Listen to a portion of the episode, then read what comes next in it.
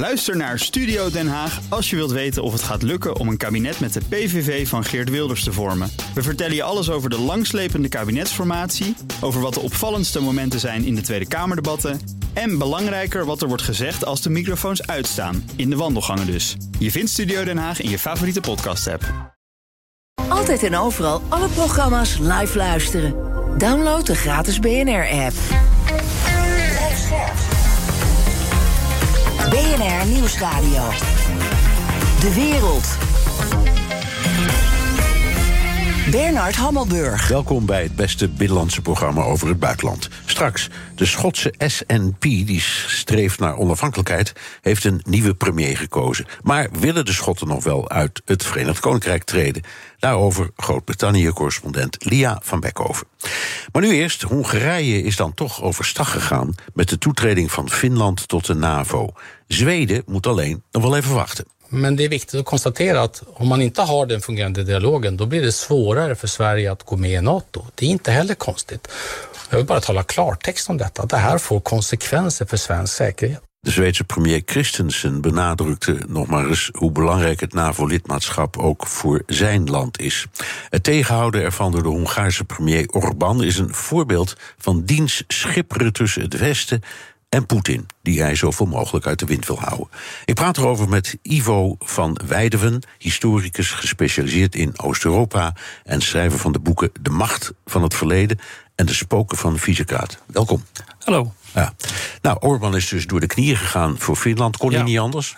Ik denk het wel, ja. Um, hij had natuurlijk zijn bondgenoot Erdogan, uh, die ook het uh, Finse lidmaatschap tegenhield. Maar Erdogan was uh, een tijdje terug al door de pomp gegaan. En nu heeft dus het Hongaarse parlement ook ingestemd met de toetreding van Finland. Ja, binnen de EU en de NAVO zijn het juist de Oost-Europese lidstaten die behoorlijk anti-Russisch zijn. Wat dat betreft is Hongarije eigenlijk een, een uitzondering. Ja, zeker. Waarom kiest Hongarije daarvoor? Ja, dat is uh, een beetje kijken in het hoofd van Viktor Orbán. En, um, nou, daarvoor hebben we je uitgenodigd. nou ja, ja. Dat, dat, gaan we dus doen. Ja. En uh, eigenlijk uh, ligt er dan twee woorden op. En dat is Hungary first. Nou, dan misschien in het Hongaars in plaats van in het Engels. Maar um, zo is de overeenkomst met de politiek van Trump wel een beetje zichtbaar. hij stelt het belang van Hongarije en de Hongaren. En ook eigenlijk zijn eigen partij, Fidesz, en hemzelf voorop. En daar moet alles voor wijken. En hij probeert alle spelers, dus de EU, Rusland, Turkije, allemaal uh, te jong leren om zo het beste voor Hongarije uit te halen. Ja, maar waarom zou um, het, hij is lid van NAVO en EU, waarom zou het niet goed zijn voor Hongarije? Ik bedoel, als je zegt, hij probeert er het maximum uit te halen, ja. dat, dat, kun je eigenlijk geen enkele, enkele premier kwalijk nemen. Nee, nee. Maar, maar wat, wat zit hem dan dwars? Ja, hij verknoopt allerhande dossiers aan elkaar. Hè. Uh, als je goed luistert naar wat hij nu nog, of wat eigenlijk een van zijn woordvoerders zei over Zweden en waarom Zweden niet uh, lid zou mogen worden. Er moet nog een goed gesprek plaatsvinden over de kritiek die men in Zweden heeft op de rechtsstaat in Hongarije. Nou ja, dat kennen we allemaal. Hè. Dat is uh, die hervormingen, zo noemt Orbán het zelf, die hij heeft doorgevoerd. Um, of althans de illiberale democratie die hij heeft opgetuigd. Daar is kritiek op in Zweden en in de rest van Europa. En hij heeft nu iets om Zweden uh, ja, zeg maar, uh, boven het hoofd te ja, houden. Ja, ja, ja. Dit is het Zweden en de rest van Europa, zeg je terecht. Precies. De rest van Europa is al lid, dus daar kan hij niks meer aan doen. Nee, maar hij hoopt dus wel door, door hier een beetje dwars te liggen uh, op andere dossiers. Wellicht op die kortingen die Europa heeft doorgevoerd op de subsidies die Hongarije ontvangt. Om daar weer iets los te peuteren. Ja. Dat gaat in dit geval waarschijnlijk in zijn gezicht ontploffen. Ja, nu hebben Hongarije en Slowakije een uitzonderingspositie in, in de kwestie van de energievoorziening. Ja. Um, dus uh, die, die, die mogen wat vrijer omgaan met uh, Rusland. Dus ja. dat heeft hij al. Ja, um, dat klopt.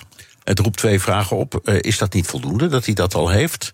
En, en waarom uh, kan Hongarije niet, net als de rest van bijvoorbeeld de Europese Unie, proberen om alternatieve bronnen te vinden? Ja, er zijn twee redenen voor. Uh, de eerste is uh, een beetje dat het uit, nog uit het verleden stamt. Hè. Het was lid van het Oostblok. Die pijpleidingen liggen nu eenmaal waar ze liggen. En Hongarije is van oudsher afhankelijk van energie uit Rusland. En het tweede is dat men ook onder Orbán juist afhankelijker van Rusland is geworden.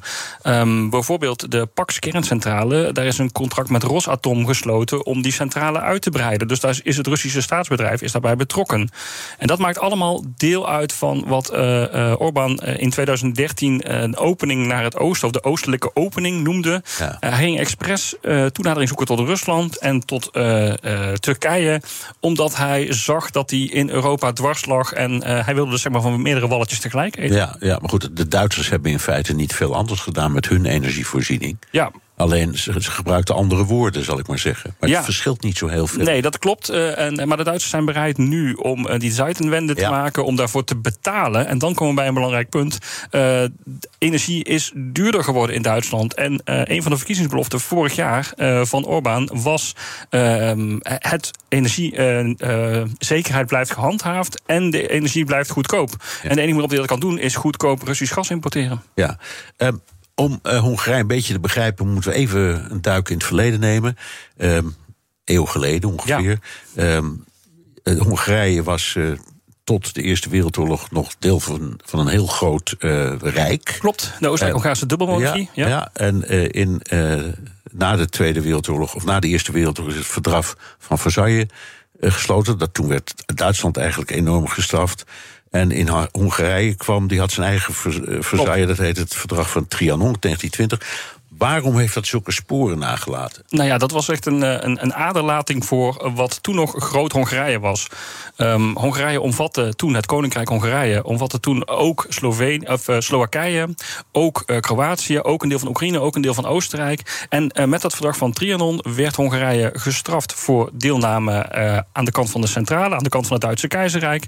en moest twee derde van zijn grondgebied inleveren. En van de 10 miljoen Hongaren kwamen er 3 miljoen buiten de landsgrenzen in de buurlanden te wonen. En heeft Orbán contact met die, eh laten we zeggen, etnische Hongaren in het buitenland? Zeker, ja. Dat is eh, eigenlijk al eh, sinds hij voor de eerste keer premier was, heeft hij die belangen vooropgesteld. Ehm, er wordt geld gegeven aan die gemeenschappen. Zij kunnen rekenen op zorg. In Hongarije mocht dat nodig zijn. En ehm, hij heeft eigenlijk die, de belangen van die mensen ge- geadopteerd. En heeft ze ook stemrecht gegeven in Hongaarse verkiezingen. En er zijn wel eens analisten die zeggen dat om die tweederde parlementaire meerderheid te halen, die Orbán sinds 2010 telkens gehaald heeft, dat hij daar ook die stemmen van die minderheid in eh, de buurlanden, wiens belangen hij behartigt, wiens eh, portemonnee hij spekt, eh, dat dat hem de, de cruciale procent dat, oplevert. dat, dat hebben deskundigen en misschien jij zelf ook wel eens nageteld, neem ik aan. Klopt, dat- klopt dat ook? Is, is die invloed van die experts, of nou experts, van die etnische Hongaren zo groot? Bedoel, scheelt dat zoveel zetels? Ja, nou ja, het scheelt echt net de, laatste, laatste restjes. Ja, je kunt natuurlijk niet helemaal absoluut hard maken, maar... eh, Nee, maar eh, ik begrijp het best. ja. Ja. Eh, nou, nou kun je zeggen, Duitsland is. eh, er is dan wel de Tweede Wereldoorlog overheen gekomen. Dat wat een soort, in hun ogen, toch ook een beetje wraak op het verdrag van Versailles. Ja. Maar uiteindelijk zijn ze er overheen gekomen. Hè, laten we zeggen, dat, eh, Ja. anno 2023 zul je de Duitsers daar niet meer over nee, er is schuldbesef en alles, ja. Maar Orbán verwijst nog wel naar die, eh, dat onrecht wat hij voelt van, dat, van die overeenkomst van eh, Trianon. ja.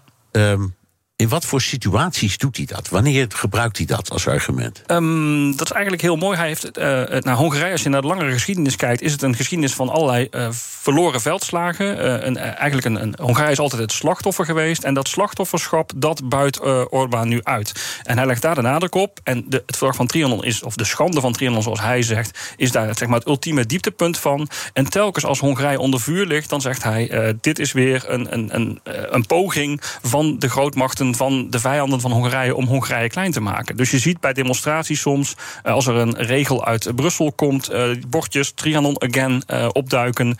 Want zijn achterban die, die, die, ja, die slikt dat voor zoete koek en die gaat daarmee aan de haal. Ja, en weten, weten, weten de Hongaren, vooral jonge Hongaren, ook nog wat dat betekent?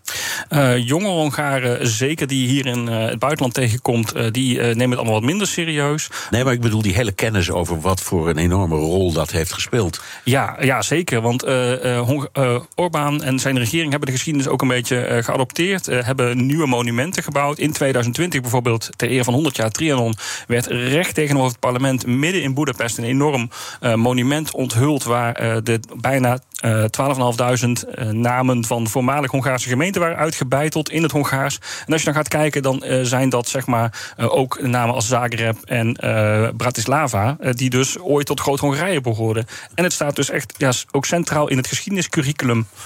Dit is BNR De Wereld. Mijn gast is Ivo van Weideven, historicus en schrijver van de boeken De Macht van het Verleden en De Spoken van Visegrad. Dit is Budapest. Vanmorgen, voor het aanbreken van de dag, is de Hongaarse hoofdstad opgeschrikt door het gedaver van tankkanonnen. Ja, maak even een sprongetje. Ja. Na de Tweede Wereldoorlog ook Hongarije onder invloed van de Sovjet-Unie. Ja. Werd deel van het Warschau-pact. Ehm, En in 56 kreeg hij de enorme bloedige opstand. Waarschijnlijk de bloedigste die zich heeft afgespeeld in die periode. 6000 mensen kwamen om het leven. Wordt ook nog elk jaar herdacht. Zeker. Als die anti-Russische sentimenten zo diep zitten, dan, dan snap je toch niet waarom Orbán zo lief of aardig is tegen Poetin. Ja, dat is echt eh, een heel eh, paradoxaal iets aan, uh, aan Orbán. hij is ook ooit het, publiek, of het politieke toneel betreden in 1989 tijdens een herdenking van de herbegrafenis van Imre Nagy, de Hongaarse leider van die opstand. En ehm, daarna heeft hij, zeg maar een paar jaar geleden, heeft hij het standbeeld van Imre Nagy laten verwijderen, laten verplaatsen naar een andere plek in Budapest. Het stond ook bij het parlement, maar er moest ook weer een monument wat aan het interbellum, aan die Trianon-tijd herinnerde, terug voorkomen. Maar hij is dus inderdaad ook uh, van mening dat die uh, Sovjet-tijd, die onderdrukking, dat dat slecht was. Hè, dat het ook een buitenlandse overheerser was. In de Hongaarse grondwet staat dat de geschiedenis in 1944 ophield. toen de Duitsers het land bezetten. en in 1990 met de eerste parlementaire verkiezingen weer begon. Ja. Dus dat is makkelijk mee dat, was in, dat was volgens mij in 1944 toen de toenmalige premier ja, de in Berlijn op ja. bezoek was. Die was pro-Duits. En toen heeft Hitler een staatsgreep laten plegen. Ja, want hij was niet pro-Duits genoeg. Hij wilde niet meedoen met alle dingen. En toen is die inderdaad uh, ja, afgezet. Ja. Dat klopt. Operation Margarethe. Ja, ja, Een heel, dat was een bitter, bitter uh, moment in de Europese geschiedenis. Maar goed, uh, dus hij, doet, hij is aardig tegen Poetin, maar Rusland is daar niet weg van. Nee. Nu het nieuws van dit moment. Hongarije is op een lijst van onvriendelijke landen gezet door Rusland... na het ratificeren van Finland als NAVO-lid. Ja, dat zal uh, wel van balen. Ja, dat levert hem dus niet veel op. Nee, nou ja, goed, weet je, het is ook wel een beetje die lijstjes. Dat is ook een beetje retorisch gezien. Hè. Uh, hij koopt nog wel gewoon uh, energie in, in Rusland. Er zijn er wel contracten die in Rusland lopen. Het Hongaarse bedrijfsleven heeft nog wel banden in Rusland.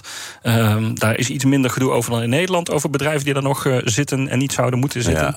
Ja. Um, maar ja, die ja, hij ziet ook niet zozeer. Uh, hij wil ook niet overheerst worden door, door Poetin of door Rusland. Geen herhaling van die Sovjet-tijd.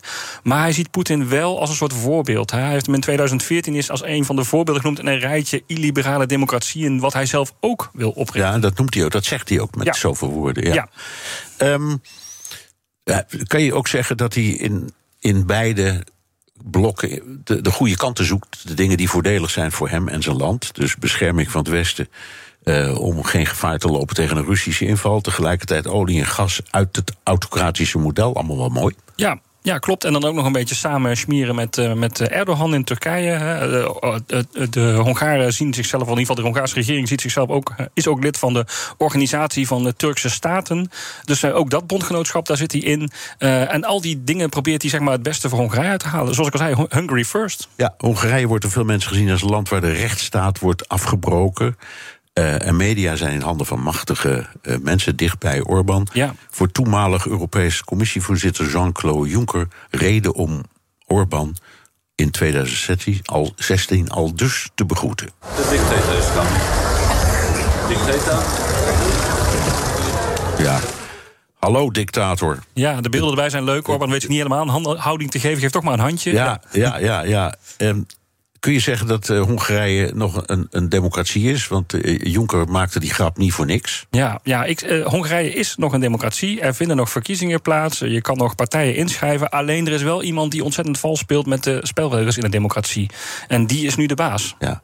Um, hij is niettemin ook populair. Neem ik aan. Je kunt dit niet volhouden, zeker als het land toch in principe nog democratisch is.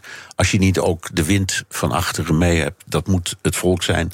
Hoe kijkt het volk naar hem en het hele verhaal? Ja, dat is een, eh, een hele mooie. Kijk, die, die schande van Trianon uh, en dat historische slachtofferschap...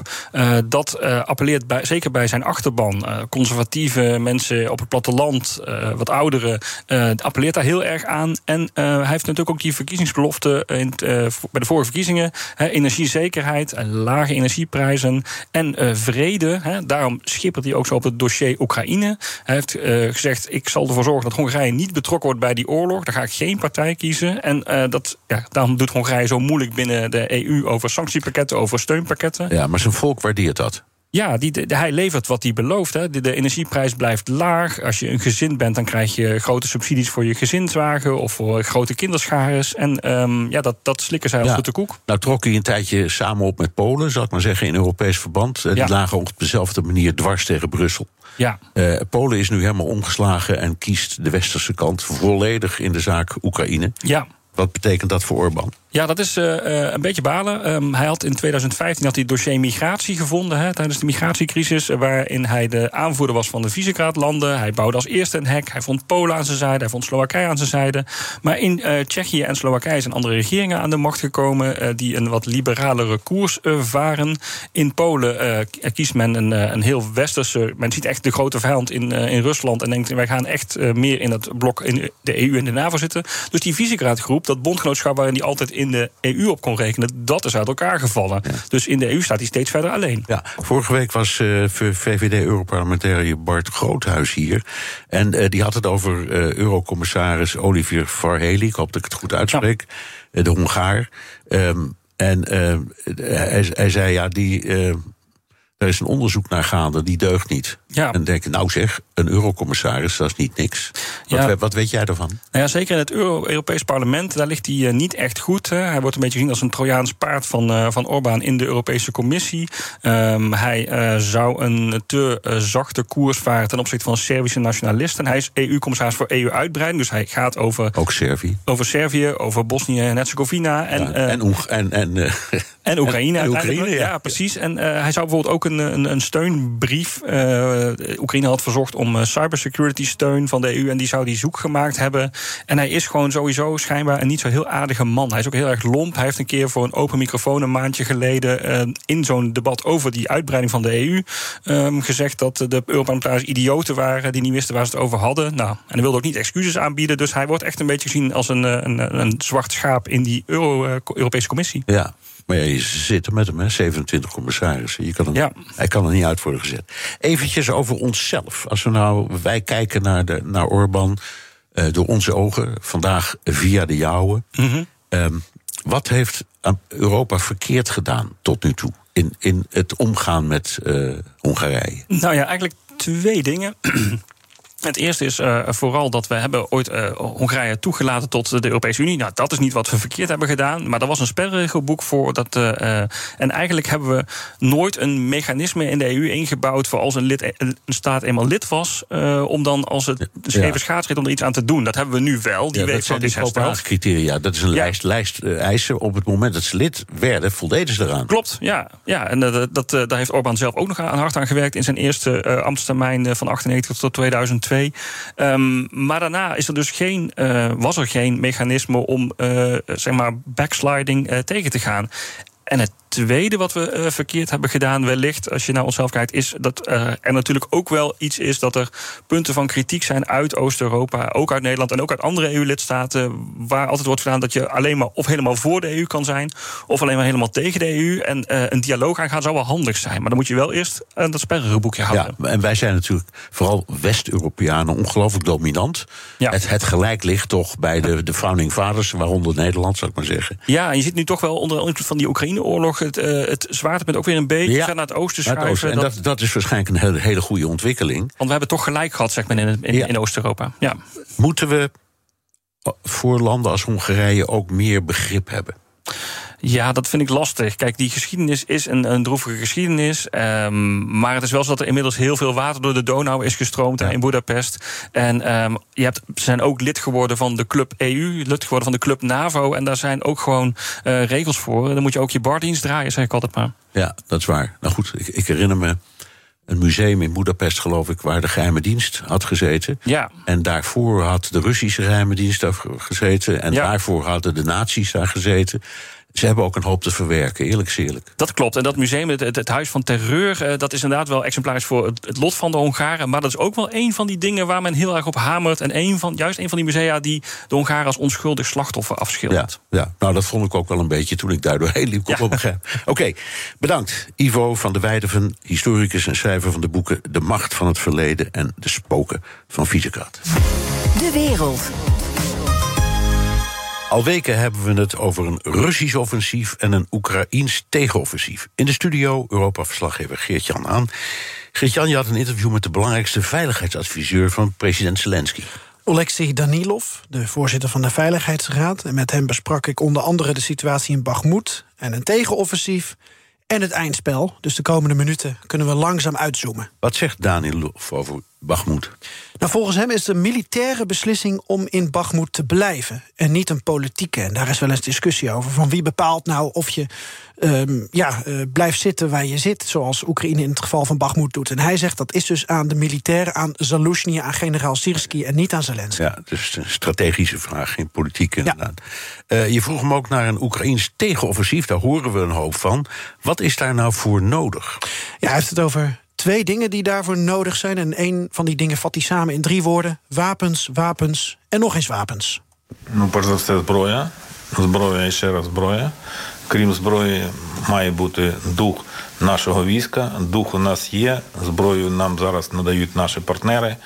Nou, hij had het hier in het Oekraïens over wapens. Uh, en Donilov zegt ook, ja, dat, dat tegenoffensief van ons... dat gaat ergens dit jaar plaatsvinden, maar kan ook heel snel gebeuren. Nou, dat is net zo'n mistbank als uh, minister van Defensie Resnikov... die deze week weer zegt, het gaat in april of in mei gebeuren. We weten het gewoon niet. We weten dat de grond in Oekraïne momenteel nog best wel drassig is. Uh, ja, wapens, dat is gewoon uh, heel belangrijk. En dat benadrukt hij nou eenmaal weer uh, tegen mij. En zegt hij dat tegen jou omdat je een westerse journalist bent? Jazeker. Ja, dat is onderdeel ook van het mediaplan van Oekraïne. Je hebt een, een andere boodschap naar het westen toe dan naar Oekraïne. En uiteraard ook richting Rusland. En dat brengt mij dan bij het tweede punt van Danilov. Hij zegt wat nodig is voor een tegenoffensief is een sterke Oekraïnse moraal, motivatie.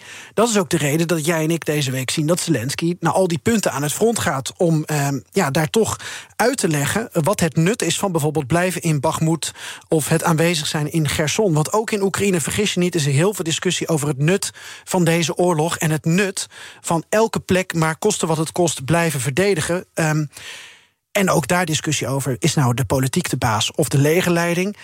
Oekraïners zijn ook nog eens, net als Nederlanders, vrij arrogant, uh, vrij direct, werken graag autonoom. Ja, uh, je moet dan wel de junior commanders hebben die ineens ook heel veel kappers en bakkers uh, aansturen op de juiste nee. manier. Want er komen heel veel vrijwilligers natuurlijk naar het front. Dus een moraalboost is om allerlei redenen nodig. Heeft Danilov contact met zijn Russische collega Medvedev? Nee, heeft hij niet. Hij zegt: Ik heb eigenlijk al jaren geen contact met Rusland gehad, want ze liegen alleen maar.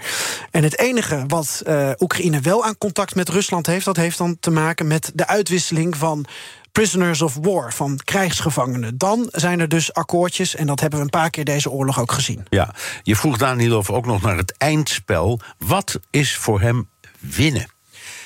Hij zegt onder meer. Rusland mag geen nucleaire wapens meer hebben en Rusland moet uiteenvallen. Питання фрагментації Росії це питання короткого проміжного часу, і Захід має готуватися до фрагментації Росії. Ja, Europa moet zich hierop voorbereiden, Bernard, op het uiteenvallen van Rusland. Dat is wat Danilov zegt. Dat is volgens hem het eindspel. Het is een stipje op de horizon op dit moment, maar wel iets dat snel kan gebeuren. Sneller dan we misschien verwachten. En hij zegt hetzelfde over uh, een, een, Rusland zonder wapens of zonder nucleaire wapens. Het Westen moet hierop voorbereid zijn. Het is natuurlijk ongelooflijk ver weg en misschien iets dat nooit gebeurt. Maar hij stelt, uh, de wereld verwachtte ook niet dat in 1991 de Sovjet-Unie uiteen zou vallen. Dus eigenlijk, wederom omdat hij met mij, een westerse journalist, praat, doet hij een oproep: wees voorbereid op alle scenario's, op alle situaties. En dan zegt hij er wel bij: ja, je moet niet gaan beknibbelen op compromissen. Dus eigenlijk, dit is gewoon wat wij vinden. Dit vinden de Baltische Staten ook, dit vinden de Polen ook. En daarmee basta. Dit is hoe het einde moet zijn. En de Tsjetsjenen vinden het vast ook. Want die willen ook best onafhankelijk worden. Uh, Kadirov die loopt volgens mij wel, wel warm, ja. Maar ik weet niet of de wereld daar nou beter van wordt. Dankjewel, Europa-verslaggever Geert-Jan. Bij BNR ben je altijd als eerste op de hoogte van het laatste nieuws. Luister dagelijks live via internet. Bas van Werven. En heel langzaam komt de zon op rond dit tijdstip. Je krijgt inzicht in de dag die komt op BNR, het Binnenhof in Nederland en de rest van de wereld. De Ochtendspits. Voor de beste start van je werkdag. Blijf scherp en mis niets. Blijf scherp. BNR Nieuwsradio. De wereld. Bernard Hammelburg. Humza Yousaf krijgt de taak om de Scottish National Party en daarmee Schotland te gaan leiden. Zijn taak: de partij verenigen en Schotse onafhankelijkheid mogelijk maken. I genuinely believe that if we talk about policy as opposed to process, we're going to create that consistent majority for independence. When that happens, it cannot be ignored. Maar de kans dat hij wel slaagt om het land onafhankelijk van het Verenigd Koninkrijk te krijgen, lijkt kleiner dan ooit. Ik praat erover met Groot-Brittannië-correspondent Lia van Beckhoven. Dag Lia. Hallo Bernard. Hi. Laten we het eerst even hebben over deze meneer Yousaf. Die zit al zo'n tien jaar in de regering. Wie is hij? Ja, al tien jaar en hij is pas 37. Valt mij tenminste meteen op. Hè, dat hij toch uh, heel jong uh, in de politiek begon. Hij is tweede generatie Pakistaans, interessant om te weten. En de eerste moslimleider van een grote uh, Britse politieke partij. Um, in die periode dat hij in de Schotse politiek zat, heeft hij trouwens al een heel verleden, politiek verleden achter zich. Hij heeft verschillende ministersposten gehad. Um, hij zat op justitie, hij zat op volksgezondheid. Hij heeft daar overigens, moet ik zeggen, weinig indruk gemaakt. Uh, Oké, als minister van Volksgezondheid he, had niemand het makkelijk onder uh, corona. Maar de wachtlijsten groeiden wel buitenproportioneel. En daarom is een van de redenen, uh, Bernard, dat zijn critici hem uh, Humza useless noemen in plaats ja. van Humza Yousaf. Ja. Maar uh, en, dan, de en, reden dan, waarom... en, en, dan toch in die, en dan toch in die functie. Absoluut. Uh, want voorgedragen vanwege andere redenen. Um, door het establishment, zo je wil, de top, uh, waaronder Nicola Sturgeon van de SNP-partij, uh, omdat hij geneigd is de lijn van zijn voorgangers door te zetten. Dat wil zeggen, hij is uit op een sociaal-progressief Schotland. Dat, dat, dat is het al. In vergelijking met Engeland zeker. Dat zal hij ook bevestigen. En nogmaals, dat was een van de redenen waarom hij de bescherming was van Nicola Sturgeon. Ja. Hij, hij neemt het partijleiderschap over van een partij die, die het jaren voor de wind ging. Uh, mm. Maar onlangs werd bekend dat het ledental van de partij hard is teruggelopen. En waar premier Sturgeon de partij verenigde, is er nu sprake van verdeeldheid. Waarover? Van alles. Kijk, Sturgeon heeft vanwege haar persoonlijke charisma vooral, want ze is een hele overtuigende, goede communicator, al die diverse stromingen binnen de nationalisten uh, uh, onder controle uh, kunnen houden. Hè. Ze hield de deksel erop. Um, maar dat werd al een stuk lastiger toen de SNP het referendum over afsplitsing verloor in 2014. Onder Nicola Sturgeon uh, werd een enorme push gedaan om Schotland af te splitsen middels dat referendum.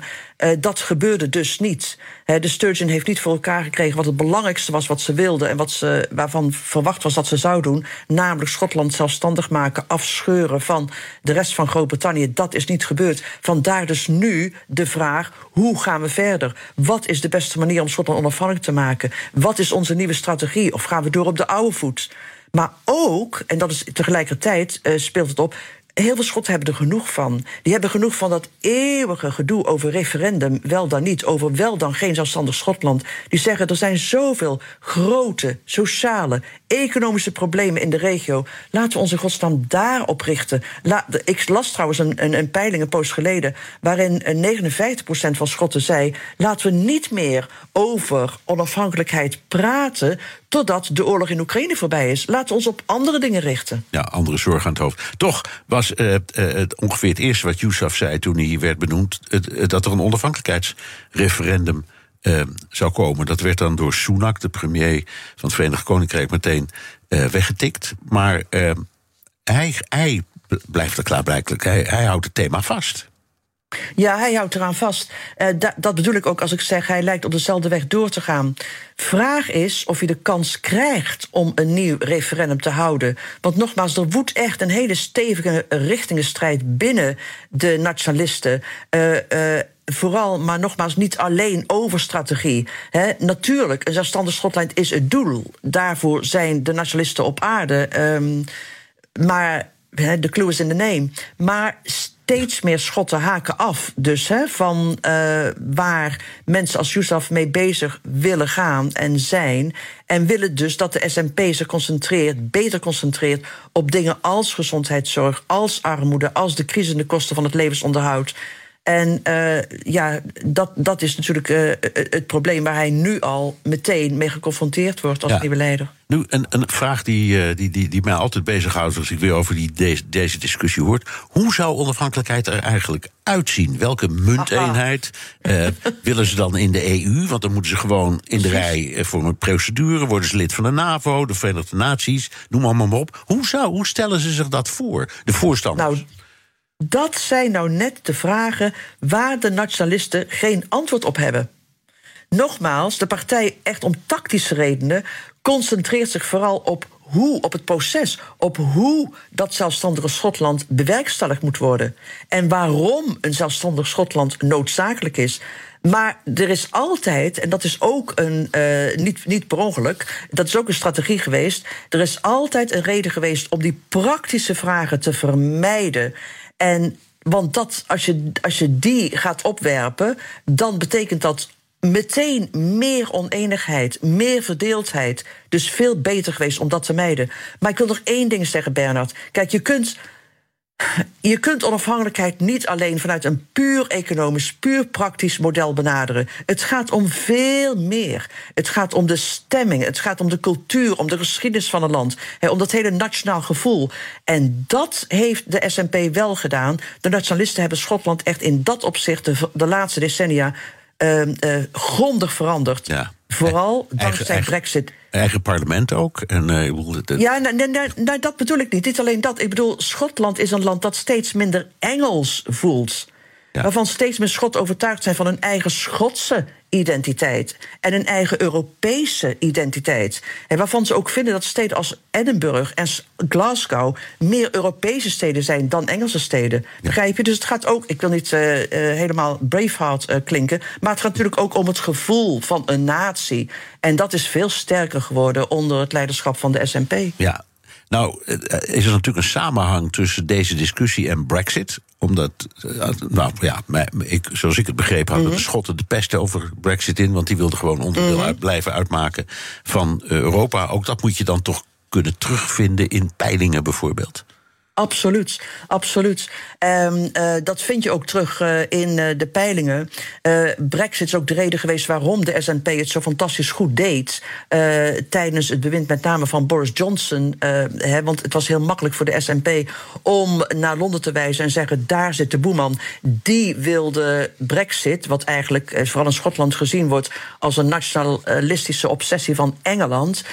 en die hebben leiders waar wij het helemaal politiek niet mee kunnen vinden. Dus hoe ondemocratisch is Londen? Willen wij daar nog door regeerd worden? Willen wij nog in hetzelfde, soort, in hetzelfde land zitten als uh, het land dat leiders als Boris Johnson en zaken als Brexit voorbrengt? Dat is nu allemaal verdwenen. De Britten worden nu bestuurd door door uh, Rishi Sunak, een man die in ieder geval veel, um, uh, veel kalmer is, uh, die niet dat politieke drama heeft en die ook veel rustiger is en effectiever. maar dan nog denk ik dat de. En dat is ook denk ik een van de redenen waarom um, Schots nationalisme minder populair is dan ze de afgelopen maanden geweest is. En vooral ook de afgelopen jaren. Maar als je naar de lange termijn kijkt, dan is het interessant. Um, uh, kijk, op de, als je een doorsnee maakt, dan zie je dat ongeveer 50-50 uh, het geweest is voor en tegen onafhankelijkheid. Dus eigenlijk dwars door het midden verdeeld. Nu liggen de voorstanders van afsplitsing tegen de 40 procent. Dus nogmaals, vanwege het feit dat Nicola Sturgeon is afgetreden... en vanwege het feit dat de Britten nu bestuurd worden... door een uh, premier die veel bekwamer en capabeler is dan zijn voorgangers... Uh, betekent dat dat afsplitsing minder aantrekkelijk is. Dit is BNR De Wereld. Mijn gast is Groot-Brittannië-correspondent Lia van Beckhoven.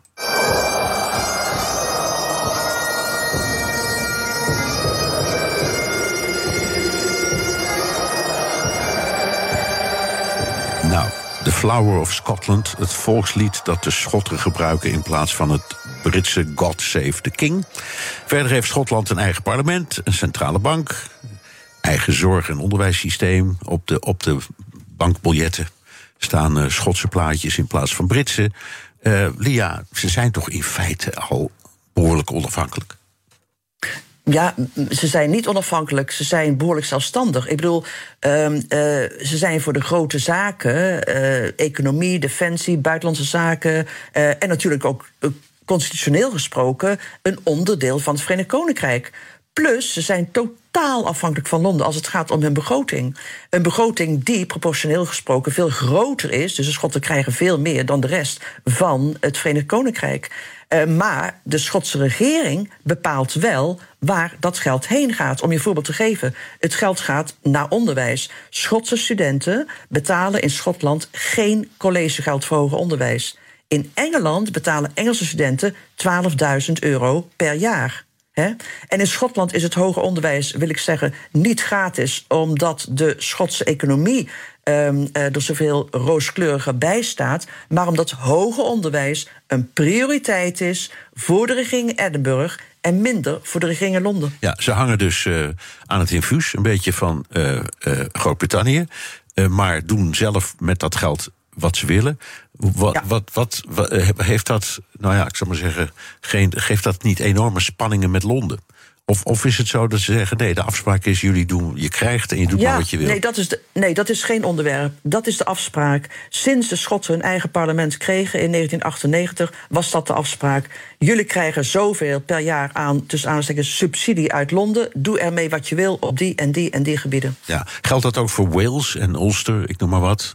Of, of... Ja, ja, ja, zeker. Dus zeker. Die, die, hebben allemaal hun eigen parlementen en kunnen naar, naar, ja. naar eigen inzicht. Eigen regeringen de, de inrichten. Ja. ja. Um, er is ook verdeeldheid over de manier waarop Schotland onafhankelijk zou moeten worden onder de nationalisten. Dus de, leg dat eens uit.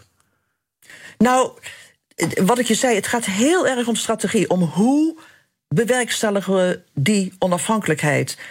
Moet het per se via een referendum? En moet het echt alles of niets zijn in zo'n referendum, zoals in 2014? Nou, is er toch een alternatieve route uh, waarover gesproken wordt? Uh, niet hardop overigens, maar dat begrijp ik van mensen in Edinburgh. Uh, zonder het nieuwe referendum waar Justaf op aanstuurt. Ja, hoe dan? Er wordt, ja. Dat alternatief is bijvoorbeeld terugkomen bij de zogeheten optie Devo Max. Dat was, jaren geleden werd dat uh, heel veel besproken. Dat betekent maximale devolutie. Dus de Schotten nog meer zelfstandigheid geven dan over die zaken waar wij het al over hebben. Um, een grote meerderheid van de Schotten wil dat.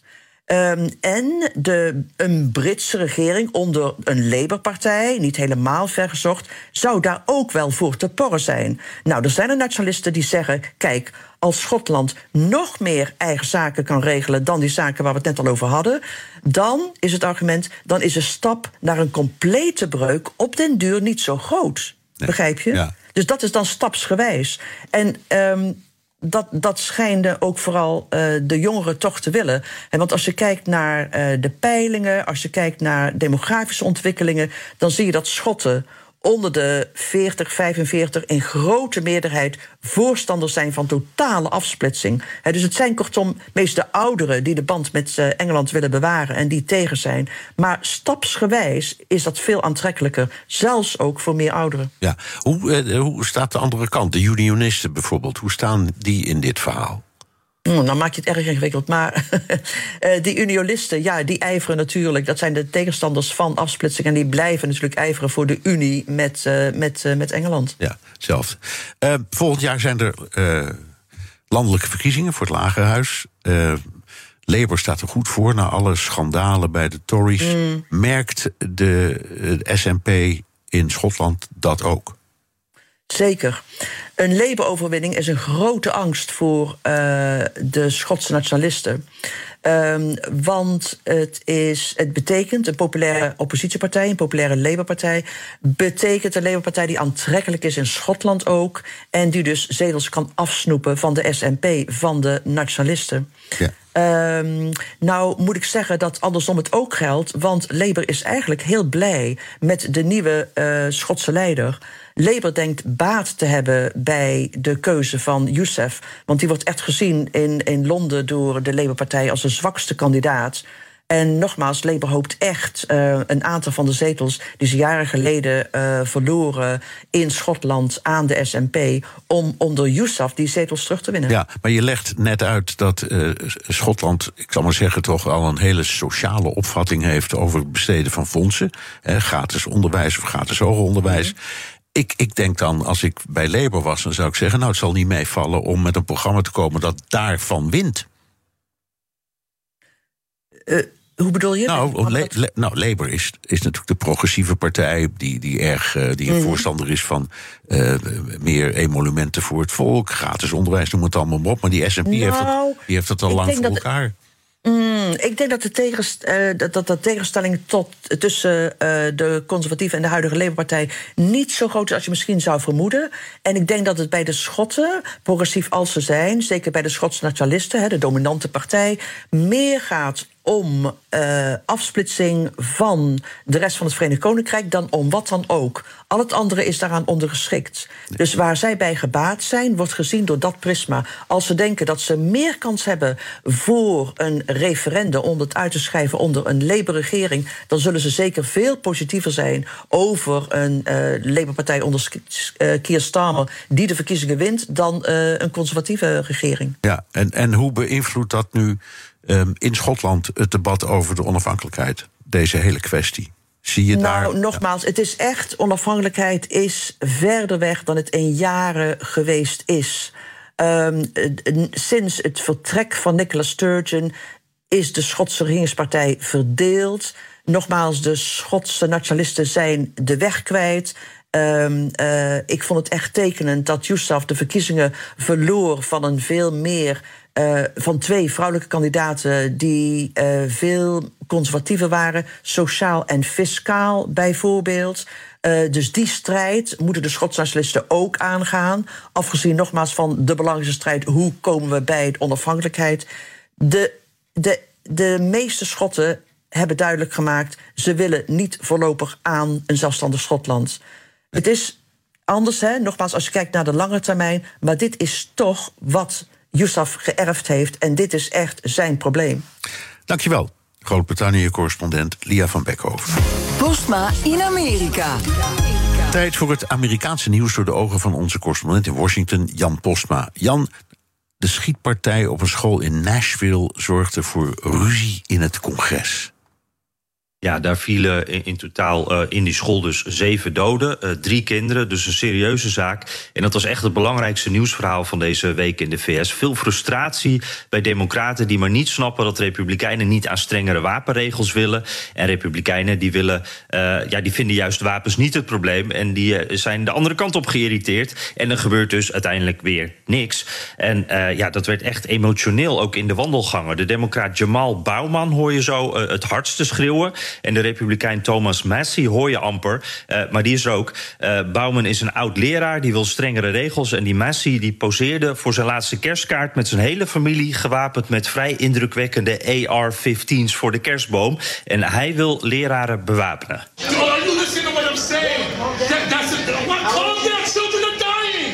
Nine-year-old children! Because the solution is not arming teachers. Have you ever worked in a school? Ja, dat ging nog even zo door. Children are dying. En een uh, groot verschil tussen democraten die al veel langer maatregelen willen... en de republikeinen, waarvan sommigen ook met een pinnetje rondlopen... met de silhouet van een geweer erop. Uh, hier zat ook wel een stukje performance in... want ze wisten ook allebei dat er camera waren, camera's waren. Ja, tuurlijk. Uh, vorige week dinsdag, Jan, zou Trump gearresteerd worden dat had hij de zaterdag daarvoor al aangekondigd. Maar inmiddels weten we dat die zaak waarschijnlijk nog veel langer gaat duren. Ja, uh, Trump zei zelf uh, inderdaad, het gaat gebeuren. Nou, hij zat ernaast. Maar we hoorden wel al een tijdje dat die grand jury in een afrondende fase zat. Dus we hielden er toch ook allemaal wel rekening mee dat het één deze dagen of de komende tijd in ieder geval klaar zou zijn.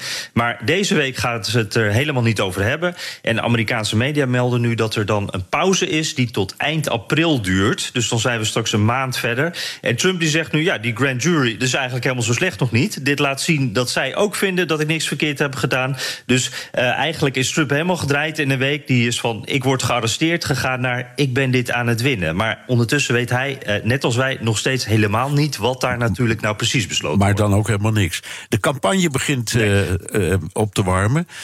wie voor de Santos heeft gewerkt, hoeft geen baan meer te verwachten bij Trump.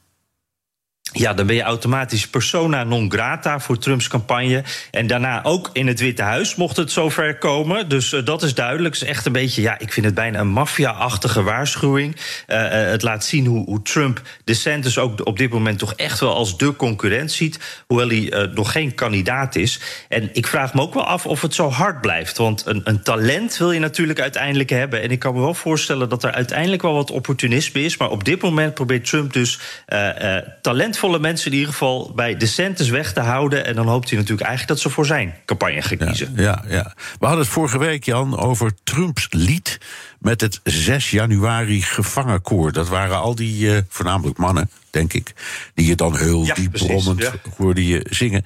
Uh, is hij daar nog steeds zo mee in zijn nopjes? Ja, ja, dat was een beetje onheilspellend lied inderdaad, hè, met die bromtonen. Uh, er werd eigenlijk de bestorming van het kapitool tot iets heel moois en vaderlandslievends uh, gemaakt. En het haalde de nummer één plek in een van de hitlijsten hier in Amerika. Trump liet het ook horen tijdens zijn laatste rally dit weekend. En stond hij met zijn hand op zijn hart ernaar te luisteren. En iedereen was muisstil. Hij is er echt heel trots op. En dat laat hij ook duidelijk merken. En dan merk je ook dat hij altijd lijstjes maakt. Want hij weet ook precies wie er achter hem staan die hitlijst. Number two was Taylor Swift, and number three was Molly Cyrus. I was very honored. I said, maybe I'm the new Elvis. Ja, de nieuwe Elvis. En Democraten die grapten daar meteen al achteraan met... laten we hem dan ook maar Jailhouse Rock doen. Ja, het is wel heel geestig trouwens. Uh, eerlijk is eerlijk. Uh, ik vraag me altijd af welke genieën dit soort teksten voor hem verzinnen. He, want hoe, hoe kom je hier nou bij? Of komt dat gewoon uit zijn eigen bol? Wat denk je? Ik, ik, denk echt dat dit, dit is. Hij klonk ook zo oprecht trots. En uh, dit is ook een tekst die hij al op verschillende uh, plekken herhaalt in interviews. Volgens mij is dit echt hoe hij zich voelt. Ik ben de nieuwe Elvis. Het is me gelukt. Ja. En dat is natuurlijk een prachtig contrast met zijn grootste concurrent, die DeSantis, waar je het al eerder over had. Want die man hoor ik van alles roepen, maar niet dit soort dingen. En ook niet met uh, humor, eerlijk gezegd. Want dat heb ik bij die DeSantis nog niet gezien. Jij wel? Nee, nee, inderdaad. En dat is ook wel een puntje van kritiek. En, en deze week was sowieso een beetje de eerste kritiek op de te horen van ja, het is eigenlijk ook wel een beetje een saaie man. En waarom dringt hij nou niet echt door bij die kiezer? En, en, en gaat het in de peilingen ook niet al wat beter? Nou, dat is allemaal nog super vroeg natuurlijk, want de is officieel nog niet eens kandidaat en, en we hebben nog zo lang te gaan. Maar wel interessant om te zien dat daar wel een klein beetje kritiek naar ook te horen is. Want ja, de uiteindelijk, het is een beetje een boekhouder hè, als je hem hoort praten. Wel een hele strenge boekhouder maar niet uh, meteen iemand met teksten zoals Donald Trump. Dus de entertainment factor mist daar wel een beetje. Dank, Jan Posma, correspondent in Washington. Wilt u meer horen over dat fascinerende land? Luister dan naar de Amerika-podcast van Jan en mij. Tot zover BNR De Wereld. Terugluisteren kan via de site, de app, Spotify of Apple Podcast. Reageren kan via een mailtje naar dewereld.bnr.nl. Tot volgende week. Ook Liesbeth Staats vind je in de BNR-app. Ja, heel handig. Luister live naar Kees en mij tijdens de Daily Move. Dan blijf je ook gelijk op de hoogte van breaking news en het laatste zakelijke nieuws. En daar vind je ook alle BNR-podcasts, waaronder de Perestrooikast. Download nu de gratis BNR-app en blijf scherp.